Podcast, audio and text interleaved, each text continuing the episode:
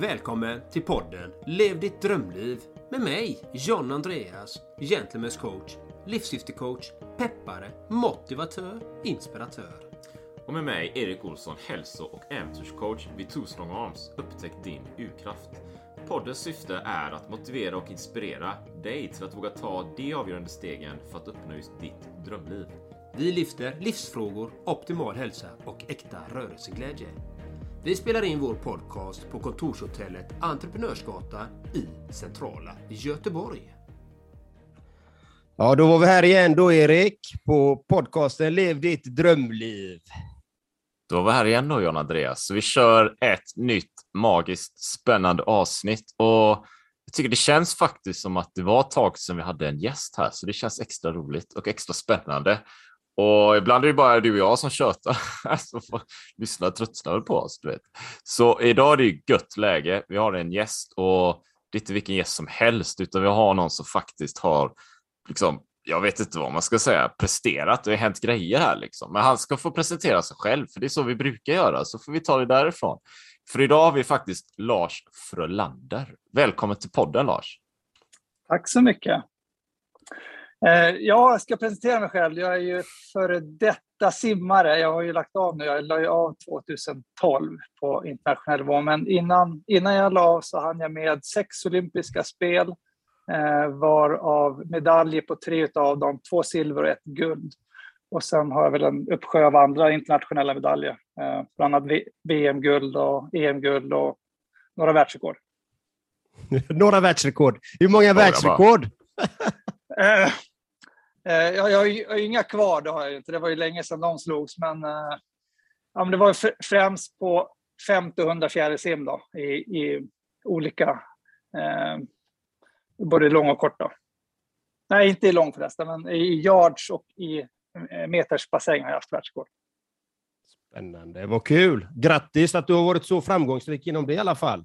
Det är ju helt underbart att höra. Men jag tänker på jag fastnade ju för dig, eh, Lars, för att du, hade, du, du skrev någonstans om att du hade varit sjuk fastän du satsade så hårt på din idrott och du blev sjuk emellanåt, i omgångar, i omgångar hela tiden. Och sen gjorde du någonting som förändrade det. Vad gjorde du då? Eh, ja, om man går tillbaka då, liksom min, min uppväxt så kan man väl eh, jag, jag är mer, mer, eller mindre uppväxt på snabbmakaroner och korv, snabbmakaroner och köttbullar och boj och mackor eh, i stort sett. Ja. eh, och det kanske inte är en så jättehållbar kost om man vill bibehålla en bra hälsostatus. Eh, och, sen, och redan som ung så hade jag ganska mycket öroninflammation och eh, infektioner. Eh, men inte, inte så extremt mycket, utan Eh, Eh, på en ganska normal nivå. Eh, men det var väl sen jag började idrotta mycket. Jag spelade ju fotboll och hockey när jag var ung, från sju år. Och sen när jag var ungefär tio år så började jag simma. Och sen när jag fyllde 14, det var då jag bestämde mig för att jag skulle eh, satsa på simningen helt och då slutade jag med fotbollen och hockey. För då började jag komma upp i morgonträningar och man var uppe i tio simpass i veckan. Och det var tufft att kombinera de två. Eh, och samtidigt ungefär där då när jag började träna mer och hårdare så eh, började jag väl liksom bli mer och mer infektionskänslig. Eh, och det är ofta på förkylningar framför allt. Eh, som ofta slutade i att det var eh, biolinflammation och var borta ett par veckor. Och såklart varenda gång man blev sjuk så gick man ju till eh, läkarna och de har ju inte, hade ju inte så mycket verktyg i sin, i sin lilla eh, Eh, låda, utan det var ju oftast penicillin. Och sen var det väl någon gångstans där 90, 93 som jag åkte på en, en, en riktig eh, långvarig eh, bihåleinflammation och jag åt väl kanske sex penicillinkurer mer eller mindre på raken. Och efter där så, så började väl korthuset lite grann att rasa. Åren efter det så kände mig att jag blev aldrig riktigt mig själv. Eh, framförallt så energinivåerna och sen också märkte jag att jag blev mer och mer känslig till infektioner. Eh, och det var väl mer eller mindre det som blev min största motståndare, det var min egen hälsa. Och det var också väldigt frustrerande med tanke på att man alltid har en träningsplan och man ska följa. Och hela tiden så fick jag de här avbrotten eh, med infektionerna. Eh, så det var väl det som... Have catch yourself eating the same flavorless dinner three days in a row? Dreaming of something better? Well, hello fresh is your guilt free dream come true baby. It's me, Gigi Palmer. Let's wake up those taste buds with hot, juicy pecan crusted chicken or garlic butter shrimp scampi. Mm. Hello Fresh. Stop dreaming of all the delicious possibilities and dig in at HelloFresh.com. Let's get this dinner party started. Life is full of awesome what ifs, and some not so much, like unexpected medical costs. That's why United Healthcare provides Health Protector Guard fixed indemnity insurance plans to supplement your primary plan and help manage out of pocket costs. Learn more at uh1.com. Jewelry isn't a gift you give just once, it's a way to remind your loved one of a beautiful moment every time they see it. Blue Nile can help you find the gift that says how you feel and says it beautifully with expert guidance and a wide assortment of jewelry of the highest quality at the best price. Go to BlueNile.com and experience the convenience of shopping Blue Nile, the original online jeweler since 1999. That's BlueNile.com to find the perfect jewelry gift for any occasion. BlueNile.com.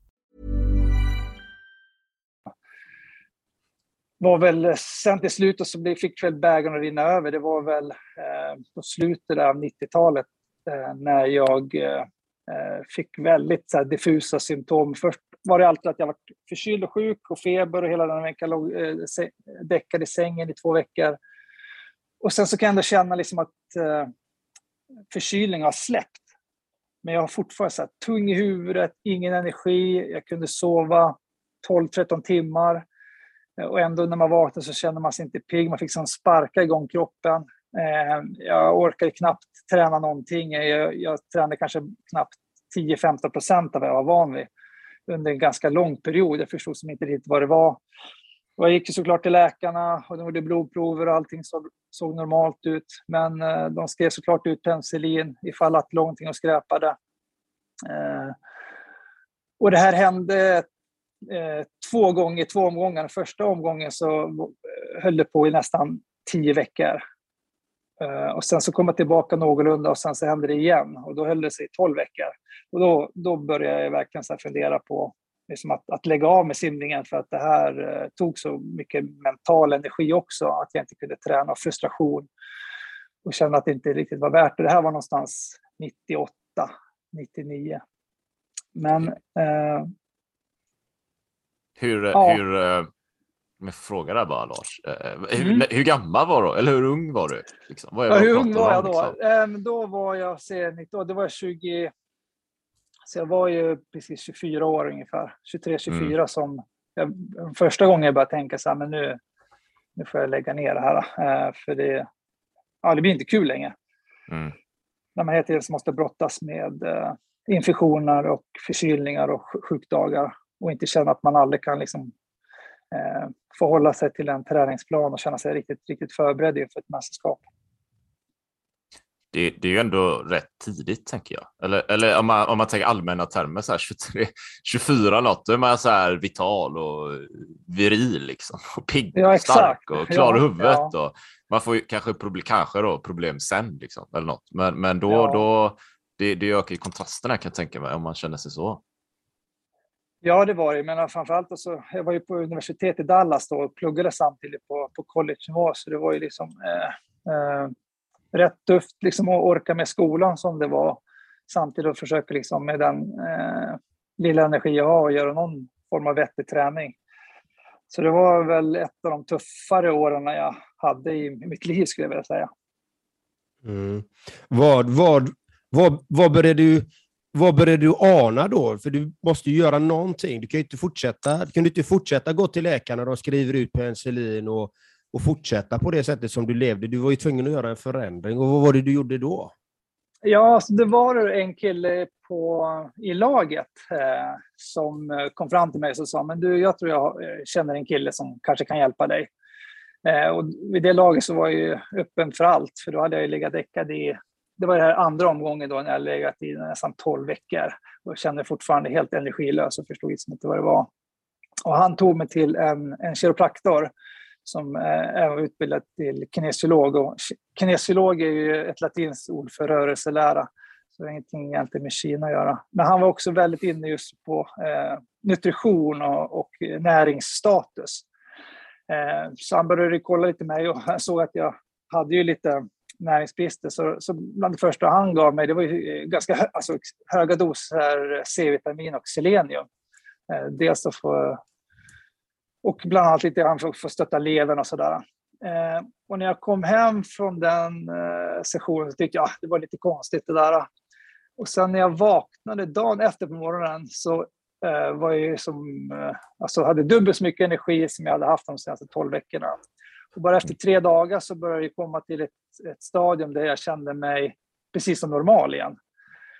Och där någonstans så kanske poletten började trilla ner lite grann, även om det inte var eh, så jag gjorde någon helomvändning vid, vid den tiden, utan det var ju mer att jag fick ganska bra stöttning med eh, bra eh, kosttillskott. Och sen så eh, plockade han även bort eh, mjölken för mig, komjölken. Eh, eh, och då var det första gången i stort sett de senaste sex åren som jag hade varit helt, fick vara helt frisk i tre månader. Och det här var inför mitt sista eh, mästerskap som på, på college-nivå när man är senior. Så det var en av de få gångerna som jag kom hyfsat eh, väl förberedd till skolmästerskapen. Eh, och jag, jag slog ju världsrekord på 100 fjärilsim och slog det ganska rejält. Och jag var heller inte så jättelångt ifrån eh, uh, världsrekord heller på 100 meter frisim. Så, uh, och sen så simmar jag väldigt, väldigt bra lagkapten. Så jag varit utsedd till uh, Most Valuable Player det året på mitt sista år. Där. Så då kände jag ju som att någonting, någonting var det ju som hände mm. där. Va, får jag fråga en fråga? Varför tog han bort mm. komjölken? Vad var anledningen till det?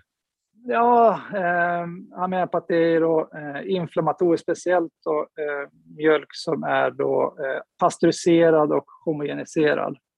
Eh, utan alltså, om, man, om man då ska typ dricka mjölk så ska man väl dricka direkt från kon. Men mm. sen mm. tyckte väl han också att eh, eh, varför ska vi dricka en annan arts mjölk när inte ens arten själv dricker mjölk i vuxen ålder? Och vi är ju väl en av de få som dricker mjölk i vuxen ålder. Och vi vill att få dricka modersmjölk och sen den dagen vi slutar med det så ska vi väl äta annat. Det var väl mm. lite grann det som var filosofin och jag tyckte det låter väl rätt så sunt förnuft. Ja. Det, det måste flika, det är jättespännande. Eller jag, jag håller helt med liksom. Och faktiskt, jag hade min mamma här för ett tag sedan. Hon drack mjölk liksom och det bara krånglade så här. Ja, men vi tar ett laktostest då. Alltså, det kan ju vara mjölkprotein, det kan ju vara proteinet som ställer till det också. Du vet. Och så, så tog vi ett test och så tog jag ett test och så visade det sig att mamma är ju laktosintolerant. Hon kan ju inte hantera det här. Vet. Hon är från Spanien. Hon ja. kan ju inte fixa det här. Men jag tog också ett, men jag kan uppenbarligen hantera det. Men eh, enligt testet då. Men jag vill logga, eller jag undviker det gärna ändå. Så jag dricker, så här, jag dricker ingen mjölk alls när jag tänker på det i och för sig. Men, men jag kommer ihåg när jag var liten sådär. vi kanske kan relatera Lars, jag vet inte. Men jag drack ju mycket mjölk alltså. Jag drack till varenda måltid hela tiden. Jag var så här bälgare och mjölkbälgare. Och, och, det är väl sånt som eh, ligger i, tänker jag. Man gör ju det länge. Vilket för mig då till nästa fråga där då, Lars, delvis där. För jag är, jag är nyfiken på, du bodde i USA, det visste inte jag. Uh, i, i, också i Sverige kanske man inte alltid äter världens mest hälsosamma, eller det gör man inte. Men i USA har jag förstått att där är det inte så bra heller. Så, så innan du gjorde kostförändringar, så här, hur, hur, såg det liksom, hur såg din kost ut? Då? Var, var det mycket mjölk och bröd och allt möjligt då? Eller hur, hur såg den bilden ut? Nej, det var ju alltså, det var mycket skräpmat. Jag var ju mer eller mindre Mr Big Mac. Alltså, McDonalds var ju en, en, man var ju ständig kund på oss.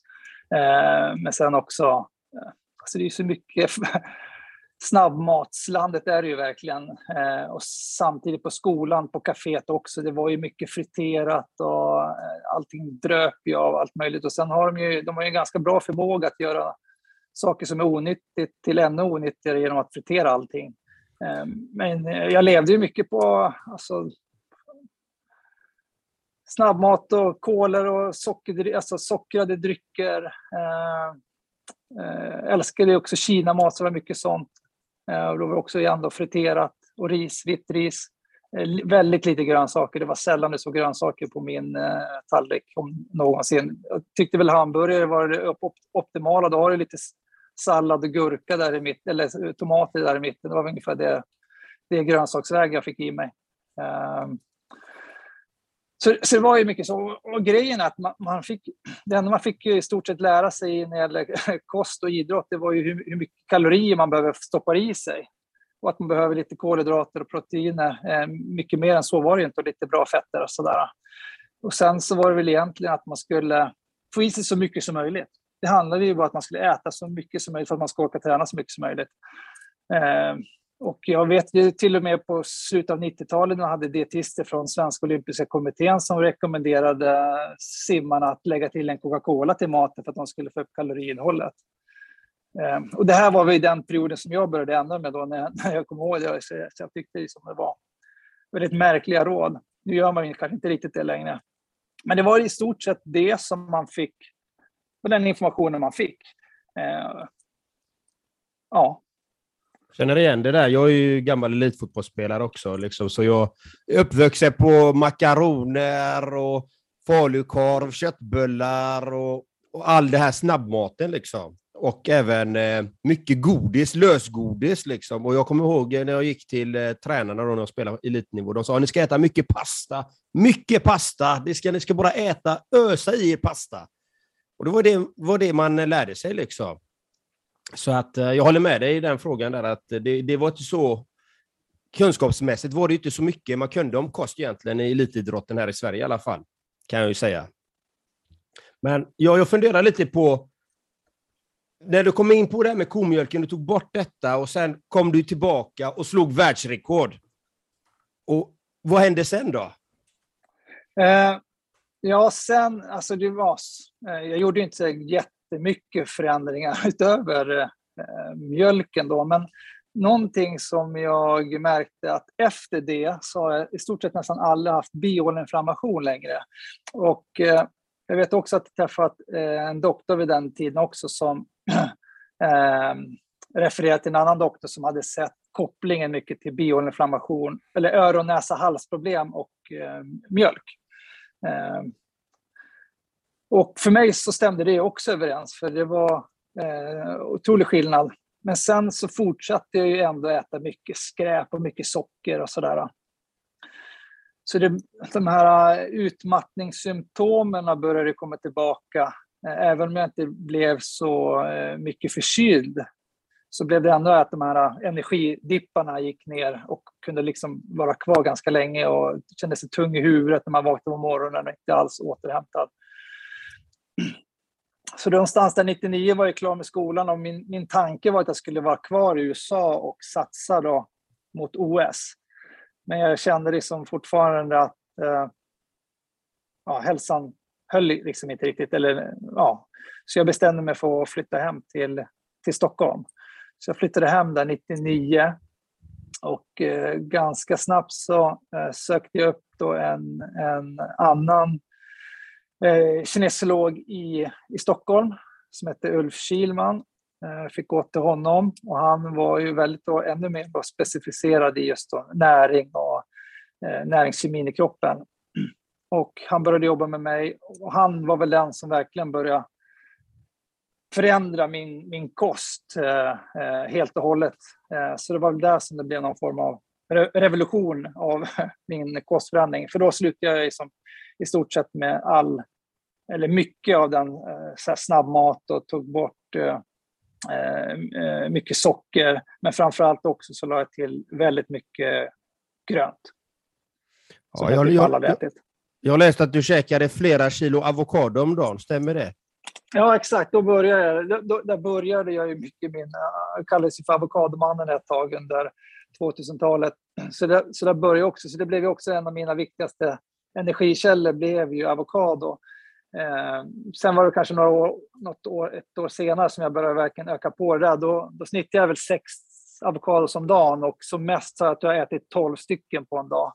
Men, men sex eh, blev väl ungefär eh, det jag snittade på. Det blir inte billigt det du. Nej. nej, nej, men då ska man komma ihåg på den tiden då var faktiskt avokadon extremt mycket billigare än vad det är idag. Eh, då kunde man faktiskt hitta två ekologiska avokado för under 20 kronor. Idag får du betala närmare 60 kronor. Så det är nästan tre gånger så dyrt idag. Och där kunde man hitta vanliga konventionellt odlade avokados för 3-4 kronor när det var liksom eh, rider. Det, det gör ju tyvärr inte idag, för det har ju blivit eh, eh en mer populär frukt. Mm. Det tänkte jag med på här, eh, du sa det här John Andreas. Du vet. Ja, men du för jag har markerat det här, jag, jag tog en anteckning innan. Eh, avokado, avokadomannen. Sex avokado om dagen. Men vänta nu, vad, vad kostar det? Går man upp här till snabbköp? Nej, det är herregud, jag går ju konkan liksom innan jag börjar. Va? Men vi har ett ställe i Spanien, där är det betydligt billigare då, men, men eh, det, det är en bra energikälla helt klart. Men det var ju fascinerande att, att höra den storyn. ja, nej, så idag äter jag inte, jag äter inte sex. Nu tränar jag ju inte på den nivån heller, men jag tror om jag skulle bara träna så pass mycket igen så skulle jag kanske komma upp i alla fall fyra eh, om dagen eh, igen. Men har, du, har du då Uh, har, har, du avokado? Det kan ju vara kokosfett och sånt också liksom. Eller kör, experimenterar du med, med sådana andra slags fetter också eller? Ja, men också mycket kallpressad ekologisk olivolja. Det var väl de två, skulle jag vilja säga, ja. primära fettenergiintagerna. Eh, Eh, och sen så blev man hade ju många frågor som hur, hur, hur hittar du mogna avokados? Men jag, sa, men jag köpte ju dem ju alltid gröna. Jag hade ju ett stort berg hemma och så hade man ju en ruljans på dem hemma. Och så fort de började bli lite eh, mjuka så stoppade man in dem i kylskåpet. Så man hade alltid kanske 14-15 stycken i kylskåpet som alltid var färdiga att gå. Så man fick se till att man köpte hela tiden väldigt mycket. Så jag hade nog ett 30-tal hemma hela tiden. Så det, det, var så man hade ruljans, för det var ju omöjligt att gå till affären, det vet man ju än idag, att eh, gå dit och hitta bra, schyssta, mogna avokados. Ja, det är inte ja. lätt. Det är inte lätt, de är alltid eh, bruna. Ja, ja, precis. Antingen sönderklämda eh, eller övermogna. Eh, så det, det, för mig var det bäst att köpa dem grö, supergröna innan någon har varit och pillat på dem för mycket. Sen så fick de vara hemma hos mig och mogna någon, någon, en vecka tog det väl oftast. Då. Så det mm. gäller att ha, ha en bra strategi och ruljans. det var väl det man blev bra på. Jag har faktiskt ett tips innan vi släpper avokado story. Det är om man är i affären så här, jag ska köpa avokado. I alla fall här så finns det ju fryst avokado som är i tärningar som oftast är billigare och den är alltid grön. Så, så det kan man ju titta på fryst. Det, det är dagens tips. Liksom. Ja, jag, jag, brukar, jag har också gått över lite grann till fryst. Dock, alltså jag gillar ju inte de alltid indränkta i citronsyra och eh, askorbinsyra. Man hade ju önskat att någon, någon kunde göra fryst avokado som inte har några tillsatser. Mm. Bra där, det har jag inte ens tänkt på. Men det är säkert så. Jag ska kolla nästa gång jag är där. Ja, du, jag, jag, har kollat många, det finns ingen som inte är eh, behandlade, är eller behandlade okay. som är tillsatt. Och det är ju för att de ska mm. inte bli bruna så snabbt när man tinar upp dem. Och, Amen. så, men eh, jag är inget jättestort fan av citronsyra som tyvärr finns i det mesta. Mm. Lars, vad var det som hände då nu när du började äta mer avokado, mer grönt? Vad, vad fick du för skillnader? Märkte du någon skillnad i ditt sätt att vara, i din energinivå, ditt humör? Etc. Mm, ja, men det, det, där var det ju verkligen så revolutionerande för mig. För det tog också bara någon, någon vecka så var jag tillbaka igen på en, en energinivå som jag knappt kommer ihåg att jag hade haft på länge. Um, och det är också första gången jag kunde det. Men I snitt så mellan 93 och 98, 99 där så var jag sjuk i snitt i stort sett 15 veckor per år. Herregud. Varje år. Eh, och, så, och, det var ju nästan som ett mantra att jag var frisk tre, sjuk två. Och så nästan, nästan så var det som att det bara rullade på som ett, ett, eh, ett schema. Eh, och sen då när jag gick in då i slutet av 99 där så eh, helt plötsligt så hade jag ju som tio veckor helt frisk. Och sen så kunde jag kanske känna någonting men det vart alldeles så här eh, på samma sätt. Det var sängliggande, jag var feber, utan då var det mer lite grann att man, man känner att man känner sig lite sänkt och lite snorig. Men ofta så kunde jag ju ändå träna lite lätt. Förut var jag ju däckad två veckor, det var ju som inte en chans. Jag hade oftast feber en, nästan en hel vecka och sen så eh, hade man ju en sån här rejäl bihåleinflammation. Eh, eh, så det har varit ju också en gigantisk skillnad. När jag väl började känna mig lite sjuk och hängig så blev det aldrig sådär jätteallvarligt. Men sen så gick jag ju från 15 veckor till 3 och en halv vecka. Eh, det är eh, ja, 99 2000. Mm. och eh, de tre och en halv veckorna så var det väl kanske bara hälften av dem som jag kanske inte tränade av de dagarna. Får jag fråga, hur är det nu då? Hur ofta är du sjuk nu? Nästan aldrig. Jag räknade från 2005, då började jag räkna mina sjukdagar tills jag slutade 2012. Då hade jag 13 sjukdagar totalt på de eh, sista åren jag eh, höll på som eh, aktiv. Så för mig där blev ja, det är ganska stor skillnad mot ha 13 veckor per år i snitt eller 15 veckor per år i snitt. Um, men det var väl lite grann där man började, jag började förstå att man, man blir vad man äter eh, och man är herre över sin egen hälsa. Utan det är ju mer vad man stoppar i sig, lite grann det man får. Äter man chips och cola och hamburgare så är det väl eh, det man bygger upp kroppen med också och eh, cellerna och då kanske inte blir av riktigt samma kvalitet som man kanske stoppar i sig lite mer bättre saker. Ja, jag är ändå, jag, är, jag sitter här som ett så förundrad över att vara sjuk 15 veckor och fortsätta att prestera. Alltså, vad, vad händer med alltså, ditt psyke där, tänker jag, alltså, när du blir sjuk varje gång och sen tar det tillbaka och börjar igen. Alltså, du börjar ju om i stort sett från noll, inte, inte riktigt från noll, men du börjar ju ändå om varje gång. Ja, kanske inte riktigt noll, men äh, simsporten är också en sport. Vi tränar extremt mycket. Äh, nu tränar man inte på samma sätt som vi gjorde på 90-talet idag. Det är mycket mer varierat och man har mycket mer fokus också på återhämtning.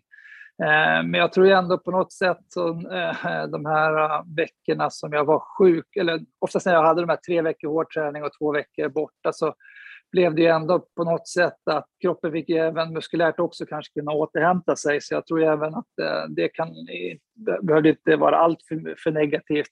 Mm. För, för efter, eh, Eh, jag kommer ihåg det var då, eh, eh 97, eh, det var ju när jag hade börjat träffa den här eh, kinesiologen och eh, få lite grann energi, men jag gjorde inte så mycket åt det där. Så det mästerskapet var året innan jag blev eh, simmade riktigt, riktigt bra. Så eh, oftast i USA då, så har man ju då conference eh, som ligger någonstans i februari.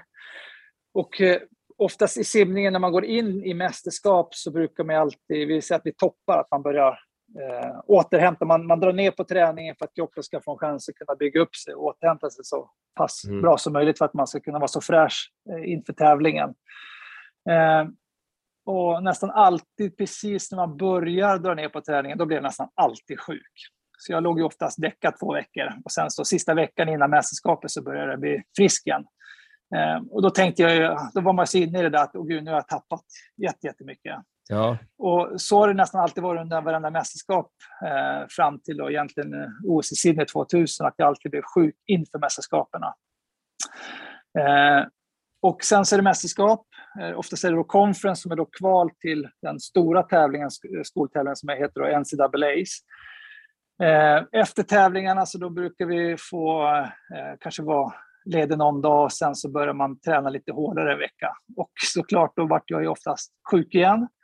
Eh, så jag hann aldrig träna på någonting utan det blev återigen eh, vila för mig och sen när jag väl blir frisk då är det så kort kvar så då är det återigen eh, eh, den här toppningsperioden när man drar ner väldigt mycket på träning. Eh, och sen så kom jag då till skolmästerskapet och ändå simmade bättre än jag gjorde på conference.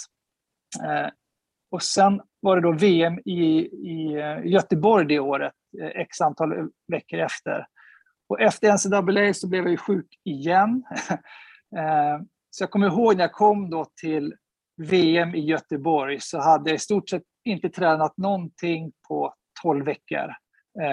Förutom att jag hade då tävlat två riktigt bra tävlingar. Och jag tänkte så här, men det här, det här kommer ju aldrig gå. Jag kommer ju vara helt ur form. Men eh, det gick ju, gick ju väldigt bra. Jag slog ju pers på allt jag simmade och eh, blev världsmästare för första gången individuellt på 100 meter fjärilsim.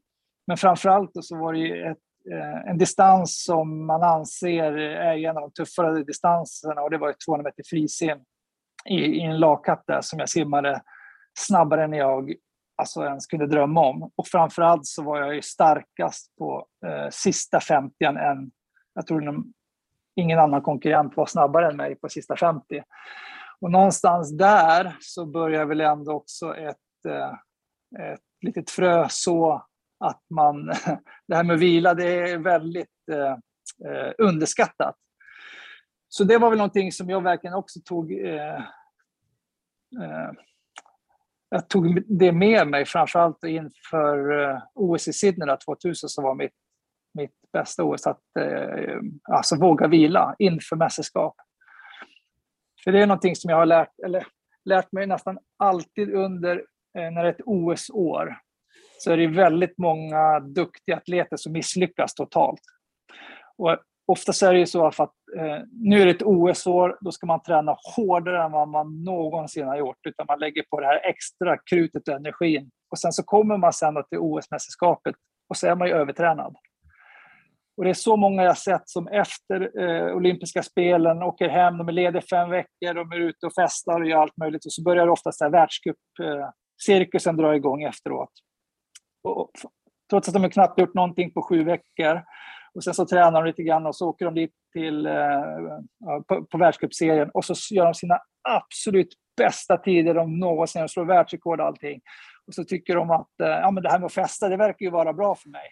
Medan min filosofi är att nej, men nu har du haft din, faktiskt din kropp haft chans att faktiskt återhämta dig fullt ut och nu är du fräsch, så nu kan du verkligen prestera. För man, man tappar inte liksom, eh, all den där träningen så snabbt. Och det är väl det som jag tror är en, den stora myten, framförallt i simningen. De, man tror att man tappar eh, eh, alltså, den träningsbakgrund man har bara på några veckor. Men det, det, tar ju det tar bra mycket längre tid än så, anser jag. Jag, jag, tänker, jag tänker på hur, hur upplevde du din livskvalitet då, om du, hela, om du blev så mycket sjuk? Nej, men den var ju inte alls kul såklart. Eh, på, på den tiden, utan det var ju, alltså, det var ju mycket frustration för man vill ju träna, men jag älskar att träna. Jag älskar liksom att ligga där med, med kompisarna och tävla med dem i, i bassängen. Ehm, men eh, någonstans där i mitten av 90-talet så, så fanns inte heller riktigt den energin på samma sätt heller på träningen, utan jag fick försöka Ehm, men mer konservera också energin på ett annat sätt, att försöka fokusera på de här huvudserierna. Eh, Medan förut så kunde man ju köra max på allt egentligen och eh, man återhämtade sig ändå mellan träningspasserna. Men nu fick jag liksom på ett sätt tänka om där. Men sen när, jag ändrade kost och allting, då, då blev det igen tillbaka där att jag kunde bara mala på hela tiden. Mm. Ja, jag läste någonstans också att eh, du var, blev klorallergisk. Ja, alltså, ja, jag, vet inte, jag brukar alltid säga, vem, vem, vem fan tål klor? Ja, precis! Och vem fan tål klor? Det var bra. ja. Nej, det blev alltså, allergi är väl det är fel liksom, uttryck att säga, utan det var ju mer, alltså i USA så var det ju vad, vad man gjorde i bassängen där vi tränade så var det ofta när, när det var liksom vattenkvaliteten var sämre så kom ju vaktmästaren upp och så bara hinkade de i, i klor i bassängen. Så det var ju några eh, dagar där som det var liksom hög koncentration. Och då började mina tränare, det var ju de som började se ett mönster. Så fort jag tränade, liksom när de hade eh, chockklorerat, då blev jag alltid förkyld och sjuk. Så det är mer att jag ja. varit sjuk och förkyld. Så det var inte som ja. att jag fick någon allergisk chock eller sådär, utan mm. det var mer det att det var liksom, det fick hela tiden min kropp, alltså bägaren att rinna över. Eh, så då började ju coachen liksom de här dagarna, då fick inte jag träna. Eh, och då såg man att då höll jag mig mycket bättre. Eh, så det, så det blev med det. Och sen kunde jag ju märka själv då när jag åkte på, på läger så där också, om det var mer klor i bassängerna så eh, eh, var jag mycket känsligare. Mm. Så det var, mer, det var mer så det yppade sig. Och det var ju för att mitt, min, min status kroppen var ju så pass skör och dålig. Ja, okay. jag, jag tänkte på den här kinosologen då. Vad, vad gav han dig för recept då? För, för att någonting måste han ju ha kommit med dig, säga vad du ska äta. Vad var det för ett upplägg på en kostupplägg då? Eller vad var det han gjorde exakt, om man säger så? Ja, men jag började ju, jag, jag, eh, det var väl där jag började plocka bort eh, eh, rött kött och framförallt så la jag till då, eh, broccoli, eh, avokado, spenat, grönkål. Så min frukost eh, började redan då bli eh, eller den kom kanske lite senare, men jag började göra smoothies också med mycket grönt och broccoli. Eh, eh, och, min frukost de senaste 15 åren har ju varit densamma. Det är två avokados, det är ungefär 150 gram broccoli, 100 gram spenat och sen lite grönkål som jag mixar i vatten, lite salt och sen en massa olivolja. Och det blir ungefär 1,1 liter eh, stor smoothie. Eh, så det har varit min, min, min frukost i 15 år. Och filosofin var lite grann den här eh, alkaliska eh, dieten egentligen, att man försöker boosta kroppen med mer alkalisk eh, föda. Eh, och då blir det oftast då direkt kopplat till mer plantbaserad föda. Framförallt då tänker man mycket det som har klorofyll, allt som är väldigt grönt. Som då broccoli, spenat, grönkål, avokado. Alltså in, innehåller då mer alkaliska egenskaper för, för kroppen. Chlorella och spir spirulina, innehåller de också det då? Exakt. I Mm. stort sett allt som är grönt, alltså allt som växer och sen då samtidigt sånt som har då lågt sockerinnehåll. Så alkohola slutade jag med, jag slutade dricka alla de här lä- läsk och eh, såna här energidrycker och, och sådana saker, utan eh, jag drack vatten till, till maten. Eh, och eh, sen försökte jag liksom ha 70 procent eh, grönt i stort sett på tallriken. Ja. Och sen så bytte jag ut och jag tog bort sädeslag också, framförallt och vete. Och sen ersatte jag det med quinoa, eh, amarant och bovete, som är då örter, som är då också då, eh, mindre inflammatoriska och mer eh, alkaliska.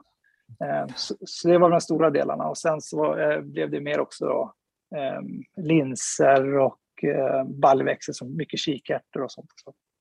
Det här... eh, Ja, ja, ja, ja, det var också en notering jag tog. Alkalisk föda.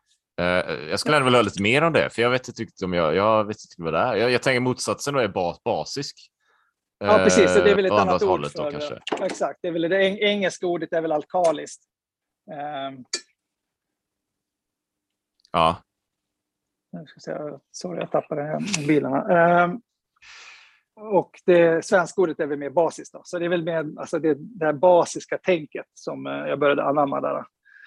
Och det är väl... Eh, ja, hur, ska, hur, lång, hur långt bak ska man dra den filosofin? Eh, men om man, om man ser lite grann till... Menar, det, är- det är våra celler som, som ger oss energi och våra celler behöver ju vissa komponenter för att de överhuvudtaget ska må bra och kunna leva och producera den här energin så mycket som möjligt. Och då är det ju som nummer ett och det viktigaste är såklart det är syre. För syre kan vi ju bara leva under utan i några minuter. Jag tror världsrekordet att hålla andan är väl 11 minuter. Men de flesta tuppar väl av efter 2-3 minuter. Så syre är liksom det absolut viktigaste du behöver för att eh, dina celler ska må så bra som möjligt och kunna producera eh, energi.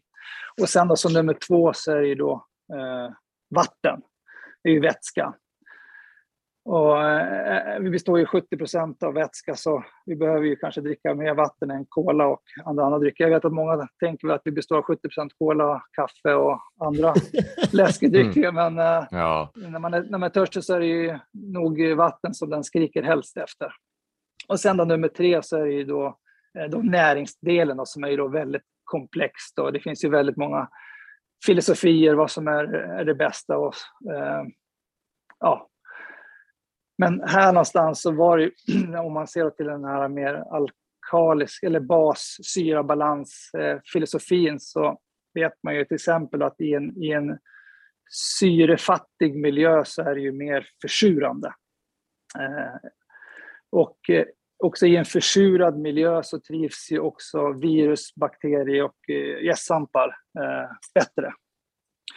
För tanken är ju till exempel att när vi dör så slutar vi andas eh, och ganska snabbt blir vävnaderna runt omkring oss försurade, vilket är som startsignalen för att mikroorganismer ska komma och bryta ner oss. Det, ingår liksom i hela mm, själva krets, kretsloppet, att vi ska brytas ner. Eh, Men om man tittar lite grann på hur, hur dagens eh, kosthållning ser ut så är det ju extremt mycket försurade saker, just Coca-Cola och de här delarna. Eh, Och man kanske också kanske, kanske kan förklara lite grann också hur den alkaliska skalan fungerar. Eh, Den går ju från 1 till 14. Jag vet inte om alla borde ju komma ihåg det här från kemilektionerna i högstadiet. och eh, där pH-värde då 7 är då neutralt. Mm. Allting som är över 7 är då basiskt eller alkaliskt och allting som är under 7 är då försurande. Just det. Och sen så, och sen så är det ju en algoritmisk skala med upphöjt till 10. Så någonting som är pH-värde 6 är då 10 gånger surare än pH-värde 7. pH-värde 5 mm. är då 100 gånger surare. Och tittar man då på liksom hur kroppsvätskorna i, i kroppen är, så är vi oftast lite lätt åt det basiska hållet. Uh, om man tittar till blodet så ska det vara runt 7, mellan 7,3 och 7,4. Och tittar man till exempel på Coca-Cola eh, som är, ligger ju på ett pH-värde på 2,2. Då, då, skulle det betyda det som det är 400 000 gånger surare än, än, ah. mm. än vad många kropp, kroppvätskor i kroppen ska vara. Och vilket såklart eh, kommer ju kräva väldigt mycket resurser för kroppen att neutralisera. Det kommer också ta och sno mycket av eh, de eh, eh, mineralämnen som är väldigt bra för att boosta upp pH-värdet. Vilket jag kan tycka då som kroppen kan använda till bättre saker än att hålla mm. på och neutralisera saker. Och, menar, kroppen är ju väldigt fantastisk och den är helt magisk och håller oss igång. Och även att vi stoppar i oss allt möjligt skräp så klarar mm. den ju av det. Men frågan är ju bara hur länge, hur, hur många år vill man vara frisk? Och en som jag lyssnat mm. mycket på, han sa att eh, det tar ungefär 30 år att bryta ner en fiskkropp, så visst kan man leva på skräpmat och skit och må väldigt bra under väldigt lång mm. tid, men sen till slut så, så har man eh, plockat ut alla pengarna på banken lite grann och sen så får man betala för alla de kanske sämre val man har gjort eh, mm. un, under alla åren. Och jag plockade väl ut mina pengar ganska snabbt tror jag, under mina unga år, fick betala för ganska hårt på det senare. Så det är väl lite grann det jag tänker nu, är att försöka liksom investera istället för att bara plocka ut. Ja, nej, men det, det, är ju intressant. Så hur länge har du... För du är, jag förmodar att du är vegan nu då? Att du äter vegansk kost? Ja, exakt. Men mer då liksom att jag vill ju helst säga att jag äter växtbaserat och mer åt det här basiska hållet. För att äta, att, att, att äta veganskt är inget kvitto på att man äter hälsosamt. För, Nej, det vet jag, för äh, det har jag gjort. Jag blev sjuk. ja, Eh, nej, men man, kan, man kan ju leva på chips och cola och smågodis och röka, röka ett paket cigaretter och vara vegan, men man kommer ju knappast ha någon fantastisk hälsa. Så för mig så blev det ju, jag gick in i hälsodelen och då blev det ju så mycket såklart fokus på alltså bra råvaror, ekologiskt så mycket som möjligt. Eh, och sen eh, eh, ja, så lite processat också som möjligt såklart.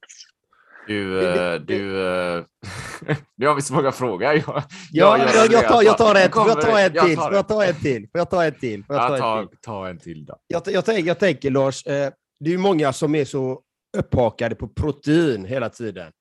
Eh, och jag, personligen vet jag ju att det, det är protein i de gröna växterna. Liksom. Men hur, hur, hur påverkar det dig då? Alltså, för vissa vill ju ha, ja, jag vill ha ett visst antal protein i kroppen för att fungera optimalt, så att jag inte bryter ner musklerna. Hur, hur, hur tittar du på det då? När du var aktiv menar jag, så att du får i dig rätt mängd av allting, protein och kalorier eller fett, eller energi ska vi säga, inte fett, men energi, så att du får rätt energi och protein och mineraler och hela den biten tänker jag på.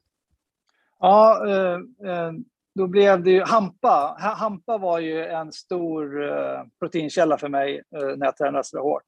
Eh, mm. och hampa innehåller ju alla essentiella aminosyror också, så det är ett väldigt komplett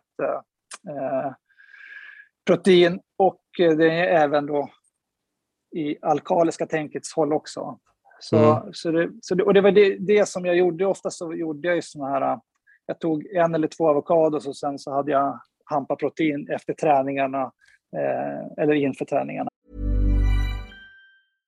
How would you like to look five years younger? In a clinical study, people that had volume added with Juvederm Voluma XC in the cheeks perceived themselves as looking five years younger at six months after treatment. Look younger, feel like you. Add volume for lift and contour in the cheeks with Juvederm Voluma XC. Reverse signs of aging by adding volume to smooth laugh lines with Juvederm Volure XC. For important safety information and to find a licensed specialist, visit juvederm.com. That's J U V E D E R M.com. Not for people with severe allergic reactions, allergies to lidocaine, or the proteins used in Juvederm. Common side effects include injection site redness, swelling, pain, tenderness, firmness, lumps, bumps, bruising, discoloration, or itching. There's a risk of unintentional injection into a blood vessel, which can cause vision abnormalities, blindness, stroke, temporary scabs, or scarring. Talk to a licensed specialist to find out if it's right for you. Cool fact a crocodile can't stick out its tongue. Also, you can get health insurance for a month or just under a year in some states. United Healthcare short term insurance plans, underwritten by Golden Rule Insurance Company, offer flexible, budget friendly coverage for you. Learn more at uh1.com. Så det var mycket eh, hampapulver. Den är ju jättegod hampa. Nej, den är ju inte det. det, är det, det är det som är tråkigt. Men, men grejen är, jag har, jag har märkt så mycket att man, man vänjer sig eh, till det mesta. Jag brukar alltid säga, men hur, hur många människor tyckte att det var gott första gången man eh, provade kaffe eller öl eller vin eller kanske en whisky eller vad som helst. Ja. Då ska jag nog säga att 99,9 procent att det äckligaste som någonsin har smakat på första gången. Men Ja. sen så sitter man ju och eh, trugar i sig det där antal många gånger. Till slut så börjar man ju lära hjärnan att eh, fasen, det är ju ganska trevligt. Och sen så till slut så är det ju människor som inte ens kan tänka sig att leva utan att kunna dricka kaffe eller eh, öl eller vin eller så. Och eh, för mig blev det lite grann samma sak där också. Att Mm. eh, man börjar ju vänja sig. Sen eh, kan jag inte påstå att jag någonsin, eh, när man dricker det bara rent av, att man tycker att det är supergott. Men jag tycker att det är liksom ganska, ganska neutralt. Ja. Eh, så Nej, jag, jag, jag, körde ju mycket, jag körde ju själv mycket hampapulver, men jag tyckte inte det var så jättegott. Men, jag, men det jag tyckte var gott, det var hampafrön. tyckte jag var gott. De här hampafröna man kunde strö över maten. Det tyckte jag var riktigt gott. Har du provat det? Hampafröna? Ja, ja, absolut. Vi gör även hampamjölk eh, också med frön. Att man bara mixar med vatten och sen kan man tillsätta lite vanilj och kardemumma om man skulle göra också. Ha det till eh, gröten om man så vill ha det också. Så man kan göra ganska schysst mjölk av det också. Och, eh, Ah. Så jag använder hampafrön också. Vad heter det? Och det, är precis, och det, och det, och det smakar ju bättre. Det är inte den här samma beska eftersmaken som oftast hampapulvret eh, är. Och det är just den där eftersmaken som är svår att få bort. Ja. Vad, vad är det för gröt du gör då? Eh, om jag gör gröt så är det oftast bovetegröt. Eh, faktiskt. Ja, jag körde också bovete. Den blir ju grön. Jag gjorde bröd på det. Den blir ju lite grönaktig har jag för mig. Ja, inte gröt. Vi kör, jag kör oftast med krossat eh, bovete. Eh, Jag Ah. kör inte de här bo, boveteflingorna som jag inte tycker riktigt är lika gott. Jag tycker krossat bovete är godare. Mm. Jag lämnar över till Erik här. Han ser ut att vara på hugget här med någon viktig fråga här. Skitviktigt. Vad med bovete och ham- hampa eh, har jag aldrig provat, så det känns ju som eh, något att prova. Jag förväntar sig Mm. någon, någon smaksensation här. Jag, jag tänker på det här. Eh, jag, jag kör ju mycket primal eller, eller eh, paleo eh, och där Mm. ingår det ju eh, en hel del, eller en hel del, det ingår ju kött då, animaliskt protein en hel del. Då. Men jag kommer ju faktiskt ihåg också när du berättade din story där Lars. Första gången jag provade det så var jag ju faktiskt väldigt sjuk mest hela tiden. För jag hade inte riktigt greppat hur det funkade. Så jag åt väldigt mycket, jag åt mycket kött liksom. Jag åt mycket processat kött. Hade, jag tog bort allt, eh, alla kolhydratkällor så jag gick till eh, low carb eller zero carb med en gång och så åt jag en del grönt. Eh, men uppenbarligen fixade jag inte det. Så jag hade ingen grepp på det här med energikällorna och sånt. Eh, Men sen, sen började jag mer eh, lite annorlunda då, förfina det här. Men, eh, och sen förespråkar jag alltid så här att man, man ska liksom testa sig fram och experimentera. Vad är det som funkar för min kropp? Det är ju det som är det viktigaste eh, i sammanhanget. Så här. Men jag funderar lite på dina tankar kring att välja bort det röda köttet. Jag, jag, jag vet inte, men det, kan det hänga ihop med basiskt och alkaliskt också kanske? Eller, eller hur, vad är dina tankar kring det?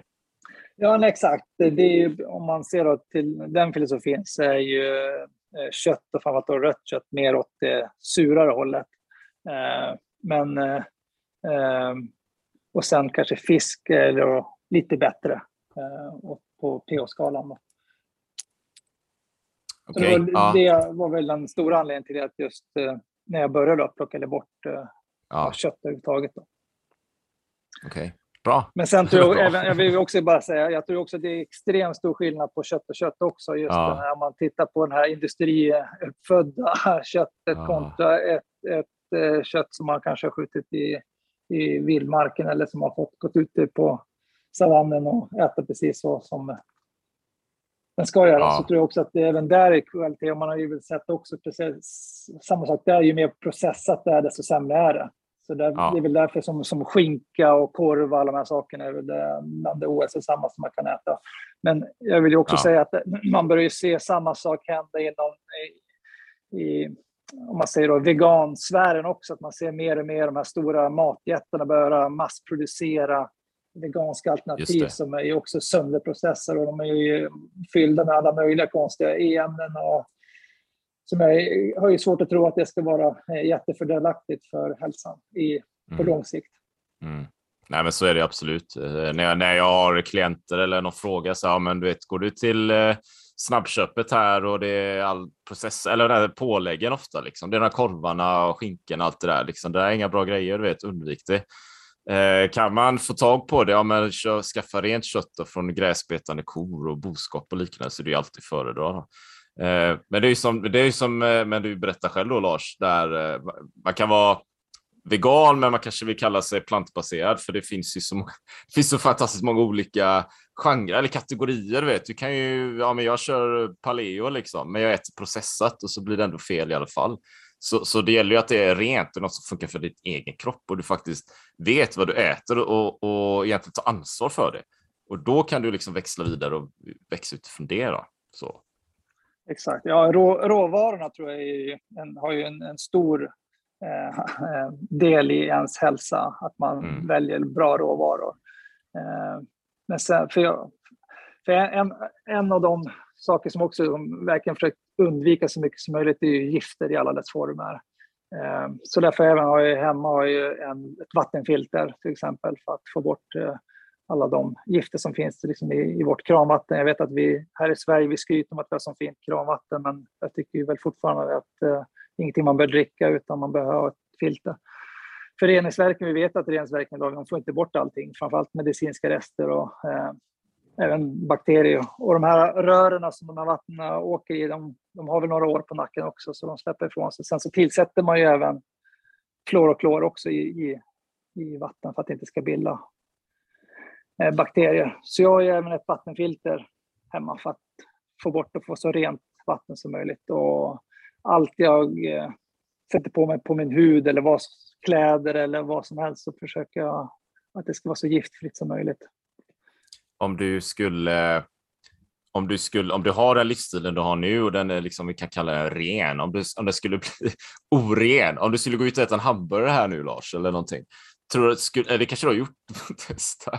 Men skulle du Nej, tro att du skulle liksom eh, krascha då, eller, eller skulle kroppen kunna hantera det liksom?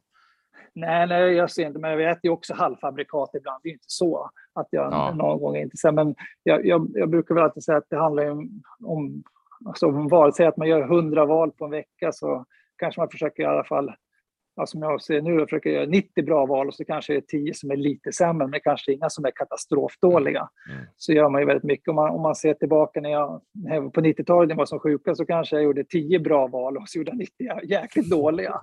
Så det är ändå en, en stor, stor förändring man gör. Och eh, det är inte så att jag springer runt och lever ett perfekt eh, eh, varenda gång jag gör, utan jag tror ju ändå liksom att jag har så pass eh, bra eh, grund att jag kan även slarva någon gång ibland också, även fast jag försöker inte slarva allt för mycket. Mm. Jag, jag tänker på hur blev dina prestationer i, i simbassängen efter du ändrade kosten då? Ja, men om, jag, om man ser då, eh, det första, mitt stora år, eller åren var ju 2000 och 2001 när jag kom in till eh, eh, Ulf Kihlman när jag ändrade på kosten. Så hade jag ju jag, eh, tre, fyra månader som jag inte var sjuk en enda dag knappt eh, och kom till mitt första mästerskap på ett EM, ett EM, eh, kortbane-EM. Där slog jag ju jag för mig slog fem eller sex världsrekord på det mästerskapet. Dels i lakapp, men även att jag gjorde, slog världsrekord i försök och final, så det blev några stycken och sen så ytterligare så, så kunde jag träna på, så kom jag till ett kortbane-VM och så slog jag mina världsrekord, eh, slog jag världsrekord ytterligare ett antal. Eh, eller det var precis, på, kortbane-VM var där jag slog fem världsrekord, tror jag, fem, sex världsrekord.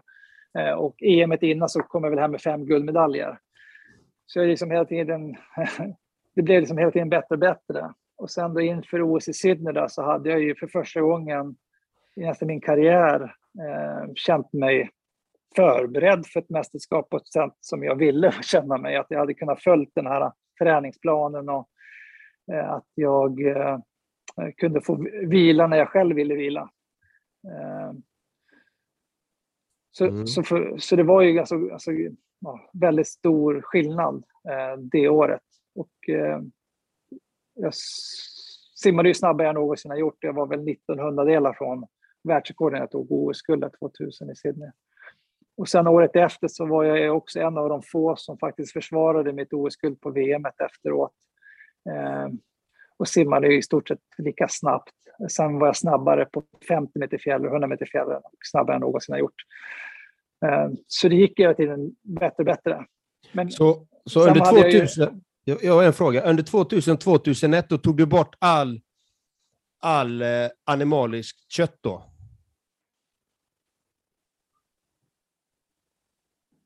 Lars? Lars? Hallå? Hör, hör ni mig? Ja, jag hör det. Men eh, Lars... Eh, vi har tekniska problem. Oj, ja. Nu är han här igen. Ja, jag hörde att det blev... du bara försvann. ja, jag, det blir så här konstpaus. Jag, jag, jag fick okay. höra dig i så här motion. Så jag hörde inte frågan alls. Där. Nej, frågan var, tog du bort allt animaliskt eh, kött eh, 2000-2001 då? Uh, uh, nej. Uh, på den tiden var det extremt svårt att vara hundraprocentig. Eh, men rött kött försvann inför alltså, de stora mästerskapen x antal månader innan. Men däremot oftast när man reste och kom till vissa platser så var det helt omöjligt. Så då kunde jag äta fisk mm. Eh, någon gång ibland och kyckling också. Eh, mm. Någon, för, för ibland kom man ju till hotell och så sa man ju, för oftast var det, man, var ju hotellmaten man enda fick och så sa man att man ville ha eh, veganskt, då kom de mer eller mindre fram med en sallad. Jag sa, men jag vill också ha proteiner tack. Ja. så hade de inga, då hade mm. de inga options och då sa jag, men då har ni fisk? Ja, absolut. Ja, men då tar jag gärna fisk eller så kan det bli mm. kyckling också. Mm. Och sen så, men sen, eh, sen började jag lära mig också, så jag började ju ta med mig eh, kokkärl och eh, alltså, hade en sån elektrisk eh, eh, kastrull med mig och eh, var ute på affären och handlade så jag kunde ta med mig till restaurangerna. Så jag jag lagade lite mat oftast på hotellrummet också så jag kunde ta med mig. Så jag hade vissa så basgrejer som jag kunde plocka med mig. Mm. Då blev det enklare. Men det var väldigt mycket svårare eh, att resa eh, på den tiden. Så det var svårt att vara helt 100 procent alltid. Mm. Mm. Ja, ja, jag funderar på någonting faktiskt. Men, men det är lite, det är lite Eh, det handlar inte direkt om kosten så då, men, men du, du, sim, du har ju simmat väldigt många år och det har blivit väldigt många medaljer. Och du har varit sjuk under, under längre perioder i, i perioder då, från och till och fixat med kosten. Så där. Hur liksom lyckats hålla motivationen vid liv alla dessa år? Alltså för en idrottare så här, som, som tar OS-guld, jag vet inte, jag har aldrig tagit OS-guld. Men jag föreställer mig att, att det kanske är det ögonblicket man drömmer om, liksom stå på podiet där och få den där medaljen. Men, men det är liksom ett ögonblick och som man hela den här resan. Hur, hur, hur lyckades du hålla motivationen igång alla dessa år, Lars? Eh, ja, det var ju en utmaning. Framförallt var det väl efter då, eh, eh VM 2001. För då eh, blev jag världsmästare i långbana för första gången. Och i och med det, då hade jag egentligen upp, uppfyllt alla mina stora drömmar som jag någonsin haft. Jag hade vunnit alla mästerskap som gick att vinna. Eh, och eh, det, efter det så blev det mycket svårare. Så jag tog ju en mm. liten paus där efter 2002 och hade funderingar på att lägga av. Eh, men så hade vi ett ganska starkt killgäng där och lagkappen 400 meter frisim. Så inför OS 2004 så bestämde jag mig ganska sent att jag, jag, vill ändå vara med i det här laget och ta med det laget till OS och bara simma lagkapp. Så jag simmade bara lagkapp 2004. Eh, och jag har alltid älskat simma lagkapp. Jag har aldrig gjort, i hela min karriär, jag har aldrig gjort ett enda dåligt lopp i en lagkapp. Ehm, så jag har alltid haft en viss förkärlek till att simma lagkapp. Så det var någonting, det blev lite grann det som fick motivation och drivet. Men sen så började jag också experimentera lite med träning och ehm, jag hade svårt att motivera mig att träna så ex, extremt mycket som jag gjorde inför OS i Sydney där. Så då blev det mer att experimentera. Hur lite kan man träna men ändå vara på en väldigt hög nivå? Och som en följdfråga på det då. varför just simning Lars? Liksom? Vad, vad, är det, vad är det, är det, vad är det, är det någon sån här natur, vattnet som lockar? Eller vad, vad, varför blir det simning? Varför blir det inte typ något annat? Löpning eller hockey? Du pratade om det innan. Ja, ja eh, men för mig det var gemenskapen. Eh, jag började simma när jag var tio år. Då spelade jag även fotboll och hockey. Eh, men ganska snabbt i simningen så började man ju träna eh, oftare än jag gjorde i fotboll. Samtidigt också som att tävlingarna var oftast två dagar. Man sov över i en gymnastiksal på luftmadrass och hela den här biten. Man var ju väldigt tajt med sina kompisar. Eh, och faktiskt, faktum är att mina bästa vänner än idag är ju samma killar som jag började simma när jag var tio år. Eh, så jag tror det var eh, mer det som gjorde att jag valde simningen. Det var gemenskapen eh, än att jag eh, enbart valdes just simningen. Även om, för jag var ingen barnstjärna, alltså jag var duktig men jag var absolut ingen sån som stack ut något extremt. Så det tror jag var den största anledningen till att det blev simningen. Sen blev jag ju bättre också såklart. Och det gör ju såklart att man inte tycker att det är tråkigare. Mm. Jag, har, jag har en helt annan typ av fråga. Och, och, och då tänker jag så här. När du är sjuk så mycket och du är arbetar, du tränar så mycket för att du ska bli världsmästare, OS-mästare, EM-mästare, you name it. Hur var det, hade du några nära intima relationer och hur påverkades de i sådana fall, er relation, när du blev sjuk så mycket och reste så mycket? Uh, ja, det var, alltså jag hade ju flickvän i stort sett hela min karriär, tänkte säga. Uh, men uh, några var ju från simvärlden, så de har väl stor förståelse. Men sen, jag tror inte det var så konstigt. Jag tror inte man tänkte aldrig på det där. Eh, var man sjuk så var man sjuk, då var man hemma. Men sen var, ju, sen var man ju borta mycket. Det var, med, det var ju borta tio veckor. Eh, och på 90-talet, då, jag vet inte, eh, det var ju superdyrt att ringa. Det var ingen som vågade ringa hem från eh, ett hotell i, i ja, från, ett, från något annat land utomlands. Det kostar ju 20-30 kronor i minuten oftast. Mm. Så ofta så var det att man, man skickade ett vykort som oftast kom hem eh, efter man själv, eller kom fram innan man själv hade kommit fram. Eh, och så oh. tänker, tänker, tänker jag nu hur mycket enklare det är med, med, med alla mobiler och Skype och Facetime man kan ha. Men man märker ändå att de ungdomar idag, de, de är inte vana vid det. De tycker ändå att det är nästan ännu jobbigare nu att vara borta från sina respektive när de är ute på läger. Mm. Men jag tror man var mer mentalt inställd på när man åkte bort så var man borta. Men det var väl en, en tjusning på andra sidan att komma hem och få träffa sina nära och kära. Ja. Så det, tycker, det tyckte jag aldrig var något problem, eller att jag var sjuk. Det var ingen, jag tror jag inte har, har betytt så mycket i mina relationer på samma sätt. Mm. Ja, spännande. Ja, för, för man har ju hört liksom, alltså, i andra sammanhang människor som kanske är sjuka och det påfrestar ganska mycket i relationerna. Liksom, att den ena är där och hjälper till väldigt mycket när den andra ligger i sängen. Och, så det kan ju vara ganska påfrestande det där, men eh, i ditt fall så var det inte det. Och det är jag väldigt glad för att höra i alla fall. Ja, nej, sen klart är man, man, man är väl kanske lite nedstämd eh, om man har åt länge att man, man är man, man vill ju gärna liksom vara den där pigga, glada personen igen och kunna träna och göra det man älskar. Men eh, jag har inte någon minnesbild av just på 90-talet jag skulle eh, försaka så mycket relationerna på så sätt när jag var sjuk. Mm. Men alltså, jag, jag, jag, jag, jag funkade liksom, alltså förutom att jag, kunde inte träna. Eh, ja. Och så, så kunde jag klara av skolan och mina eh, mina relationer. Men jag, det fanns ju som ingen energi för mig att träna. Det var ju mer det som var frustrationen för mig. Mm. Vad, vad, vad, har du- vad har du tagit med dig av hela den här resan? då? Vad har varit de viktigaste insikterna för dig? Eh, nej, men det är väl att man, man blir vad man äter. Alla ens val har ju antingen, jag brukar se det som att det är en stor bank, antingen plockar man ut pengar eller så stoppar man även in lite grann. Eh, och de första 20 åren i mitt liv så plockade jag väl bara ut och la knappt in någonting och sen till slut så tog de slut och då är det ju kanske ganska tuff eh, väg tillbaka. Eh, så om jag hade fått gjort om mitt liv så hade jag ju eh, förändrat eh, kosten bland det första tror jag. Mm. Jag, jag, ser, jag har ju tittat lite på din Instagram och jag ser ju att du yogar lite och sånt. Är det någonting du gör i dagsläget också? Andra fysiska Eh, aktiviteter? Nej, men jag skulle gärna vilja. Sen jag fått, eh, blev pappa eh, för fem år sedan så har det blivit väldigt mycket mindre av just de där delarna. Utan nu, nu får man försöka smyga in lite grann när man väl kan. Så då blir det mest, eh, har det varit så här cykling, eh, börja spela paddel och så gymma lite grann och så att man kanske försöker jogga. Eh, men jag har inget just, just för tillfället, för nu har jag en ettåring också.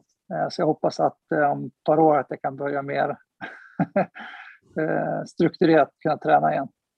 Mm. Så jag är lite nyfiken. Vi har pratat mycket om simning och, och din karriär och, och liksom din, din, din story. Så här. Vad, vad gör du idag då, Lars? Vad, vad händer nu, idag och framöver? Ja, jag eh, bor i Upplandsbro kommun som är då lite norr om Stockholm där min fru är uppväxt. Och så jobbar jag här inom kommunen på eh, fritidsavdelningen och eh, hör och häpna men jag jobbar i en simhall. Wow! Ja. Så eh, förra, precis förra året var jag enhetschef för simhallen och nu har jag fått en, liten, eh, en annan typ av roll inom fritid och får vara med också att eh, utveckla lite grann. Men huvuddelen är fortfarande som arbetsledare inne i eh, simhallen i Bro. Så trivs superbra där borta och fantastiska kollegor. Så eh, känns bra. Framförallt också när jag bara har fem sex minuter till arbetet. Mm. Världsklass. Jag, jag funderar på, är, din eh, fru också då, eh, äter hon också väldigt mycket växtbaserat också då? Mm, hela familjen gör det. Eh, och min fru är också gammal simmare. Ah. Men slutade väl för också väldigt många år sedan. Men hon jobbar som, som jurist idag och pendlar in till stan. Då. Och hon, så hon, jag brukar, för hon gör ju karriär nu och jag har ju alltid sagt att jag har gjort min karriär nu, så nu är det jag som får ta servicedelen här hemma. Så därför blir det lite grann just, eh, eh, jag skjutsar och hämtar och fixar markservice. Och då blir det tyvärr inte just nu så mycket eh, tid för att kunna träna så som jag själv skulle vilja. Men jag tror ju om några år så kommer jag nog kunna göra det. Ja. Kommer du ha en pool eh, vid det nya stället då? Ja, jag, vill, jag, eh, jag hoppas det. Ja, men problemet är att jag vill ju ha, jag har sagt att jag vill ju ha att den ska vara minst 20 meter. Oj. Annars är, det ju, annars är det meningslöst om man inte ska kunna simma i den. Mm. Eh, så, och minimum är väl egentligen 20 meter om det ska bli någon form av vettig simning. Annars blir det bara vändningar hela tiden. Mm. Så vi får se då hur, eh, hur det kommer se ut. Ni är ju två simmare, ni båda är ju simmare, ni måste ju skaffa en pool. ja, enda som är det, så jag vet ju också extremt mycket jobb det är med pool. Eh, så vi får se lite grann. Men, eh, jo, men nu har vi börjat landa i att vi kanske ska vilja bygga en, en pool i framtiden. Men eh, just nu fokuserar vi på huset. Ja, och liksom, du, du sa att hon gör karriär nu. Hur länge har ni varit tillsammans då? Vi har varit tillsammans, vad är det nu, typ 14, eh, 14 år? Åh, fint. 15? 15 Ja. år? Ja, något sånt. 15. Det är ett tag. Ja, det är ett tag. Så Och hur, du hade fem, en som var fem år och en som var ett år, sa du, barn, va? Exakt. Och hur, hur kändes det att bli förälder då? Eh, ja, det är ju eh, magiskt eh, också och väldigt omtumlande på samma sätt. Eh, men eh, det, det, jag tror det, det bästa med föräldraskapet är att det bara blir roligare och roligare ju äldre de blir. Och det är positivt. Eller det är väl tur kanske. Så, så, det, mm. så det, jag tycker hela tiden så, så blir det bara roligare och roligare att se när de eh, växer upp. Ja. Vad har eh, femåringen för eh, intresse nu? Har du, du har vi börjat märka några intressen på femåringen i alla fall? I, ja, hon älskar ju vatten, så vi får se om kanske blir en simmare. Men hon, vi försöker eh, låta dem få testa massa olika saker. Min dröm är egentligen att de hittar någonting som de tycker om. Ja. Sen mm. vad det blir, det, det, spelar mindre roll. Men jag skulle jättegärna såklart att de kommer in i något form av, ja, någon form av idrott eller någonting som är lite fysiskt. Så jag är glad. Sen vad det är för någonting, det spelar mindre roll. Bara hon tycker att det är kul.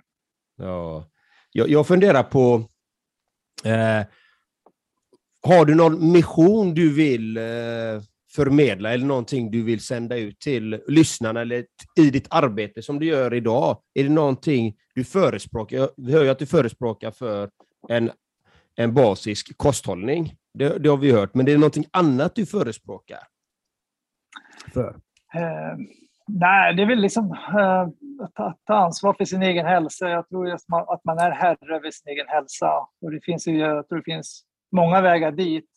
Eh, men någonstans så grundar det sig i ändå, som, om man ser till maten idag så är väl en, en stor del av det. Men, eh, och där tror jag det viktigaste är som att det är riktigt bra råvaror, eh, ekologiskt, ja, giftfritt. För jag tror att gifter är väl det som är en av de största belastningarna på våra kroppar idag. Mm. Jag kommer ihåg att jag lyssnade på nyheterna, där kanske var för tio år sedan, när de rapporterade om att stockholmare, de som bor i Stockholm, får i sig ungefär 20 000 kemikalier varje dag, bara luften man andas in. Eh, och då blir alltid min fundering, hur mycket ja. extra vitaminer och mineraler behöver kroppen ha för att de ska klara av att ta hand om det? Eh, mm. Så eh, det är en forskning som man kanske inte riktigt eh, gör, utan mm. man pratar hela tiden om eh, ja, men det tar levern hand om. Men det vet vi att den inte mm. gör, för den orkar inte ta hand om alla de här gifterna, för vi vet hur mycket gifter vi lagar in i våra eh, kroppar.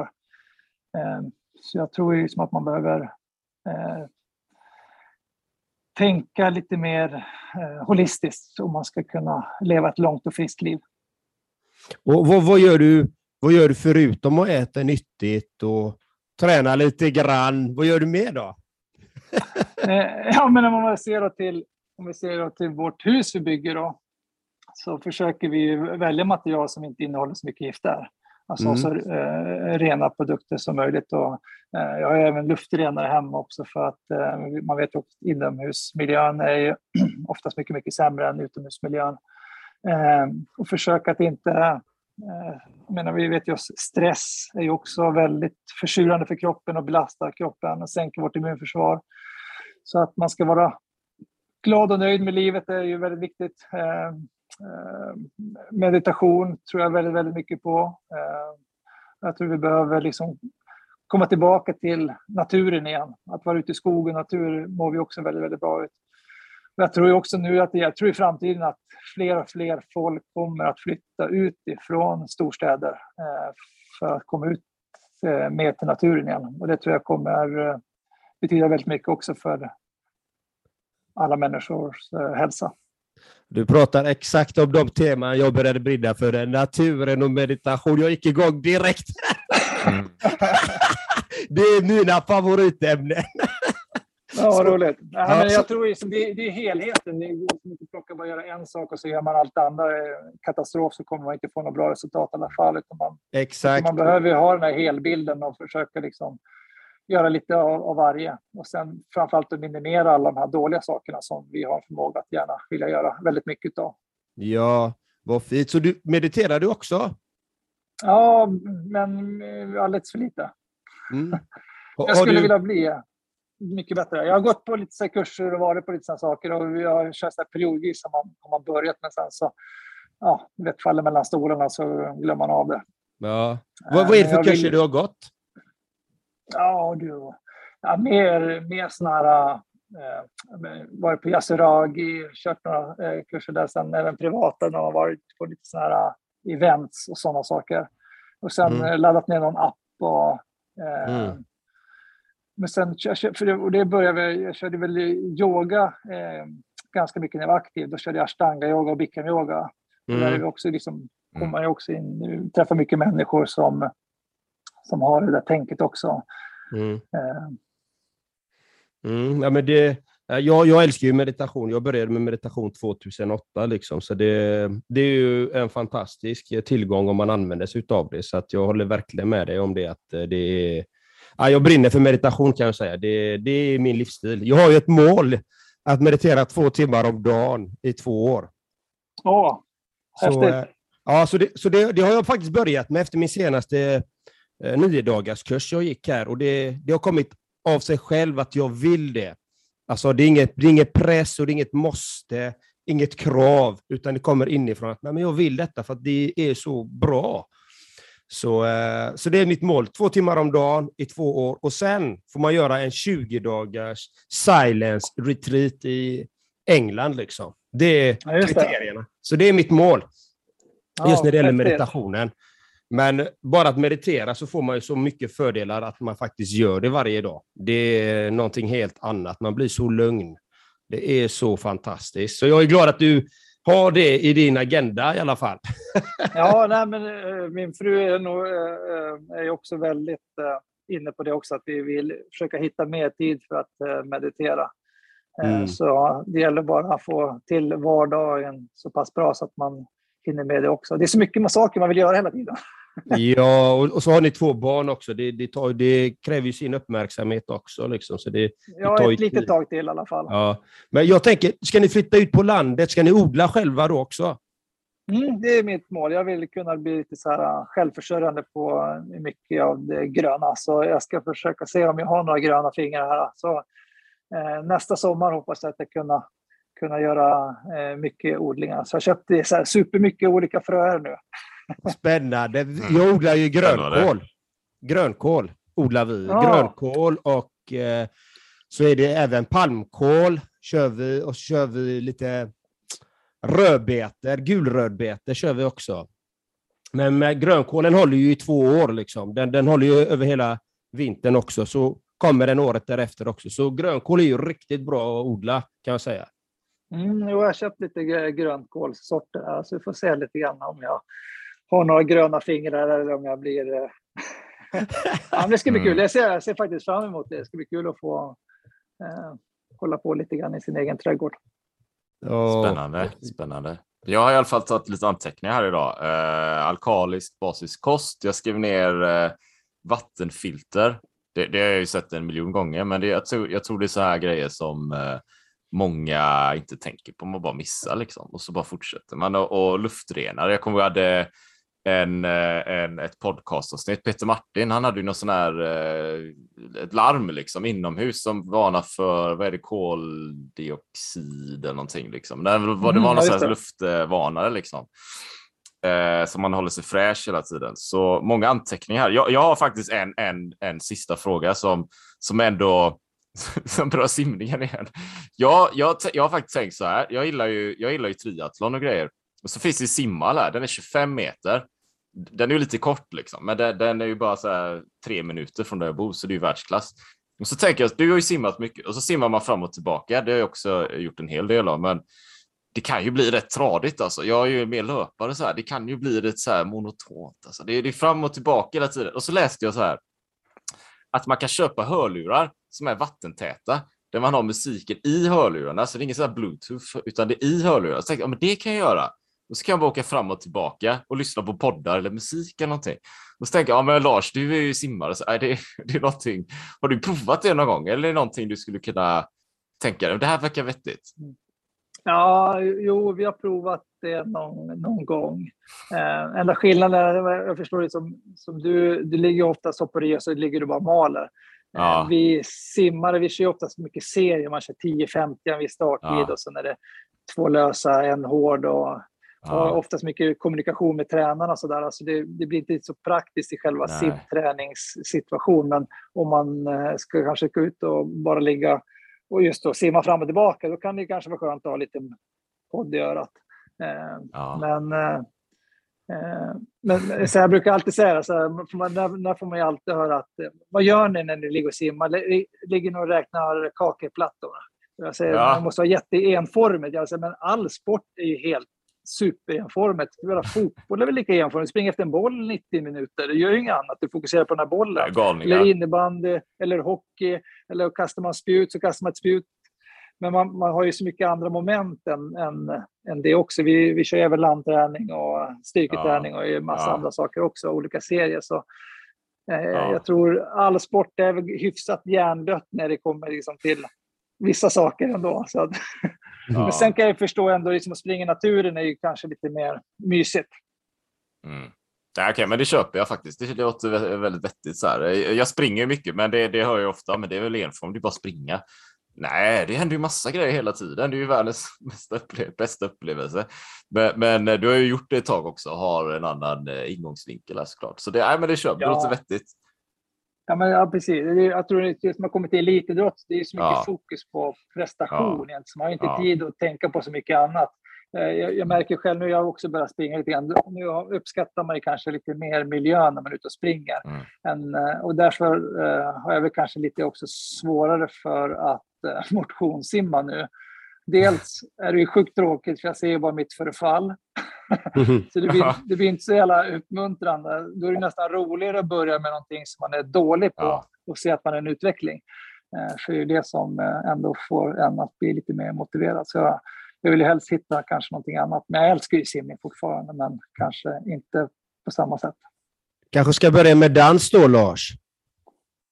Ja, men däremot så gillar jag ju, jag är ju stort UFC-fan, så jag gillar ju eh, UFC och jag älskar kanske framförallt brasiliansk jiu-jitsu, så det är någonting som jag skulle vilja börja med. Jag, jag, jag körde ett litet tag tills jag gjorde illa eh, mitt knä där och sen så fick jag barn och sen så fall, föll det mellan stolarna där, men jag hoppas eh, att kunna få börja med det, för det skulle, skulle jag tycka var kul.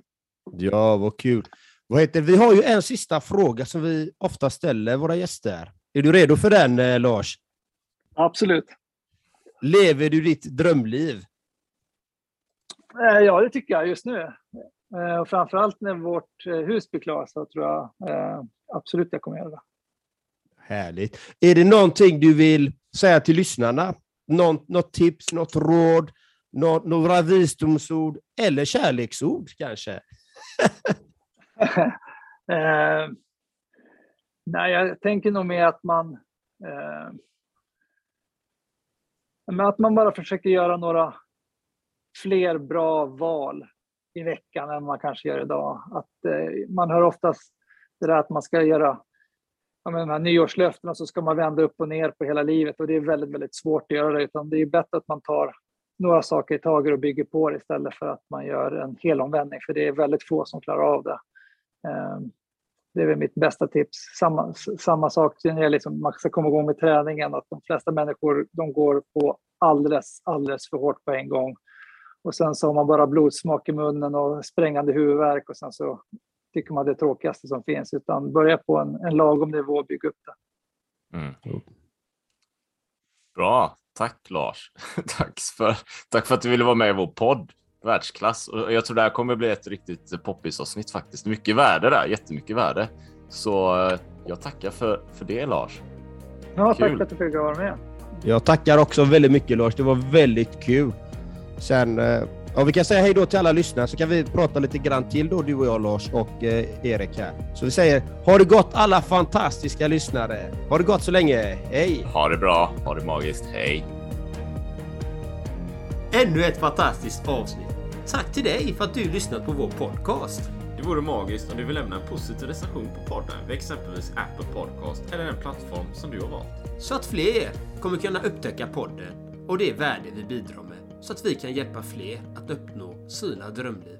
Tack från oss. Ha en magisk dag. Planning for your next trip?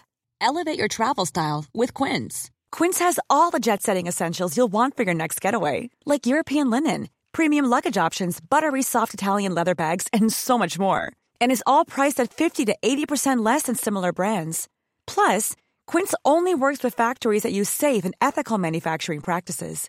Pack your bags with high-quality essentials you'll be wearing for vacations to come with Quince. Go to quince.com slash pack for free shipping and 365-day returns. Hold up. What was that? Boring. No flavor. That was as bad as those leftovers you ate all week. Kiki Palmer here, and it's time to say hello to something fresh and guilt-free. Hello Fresh. Jazz up dinner with pecan-crusted chicken or garlic butter shrimp scampi. Now that's music to my mouth. Hello Fresh. Let's get this dinner party started. Discover all the delicious possibilities at hellofresh.com. Even when we're on a budget, we still deserve nice things. Quince is a place to scoop up stunning high-end goods for 50 to 80% less than similar brands. They have buttery soft cashmere sweaters starting at $50, luxurious Italian leather bags, and so much more. Plus, Quince only works with factories that use safe, ethical, and responsible manufacturing. Get the high-end goods you'll love without the high price tag with Quince. Go to quince.com/style for free shipping and 365 day returns.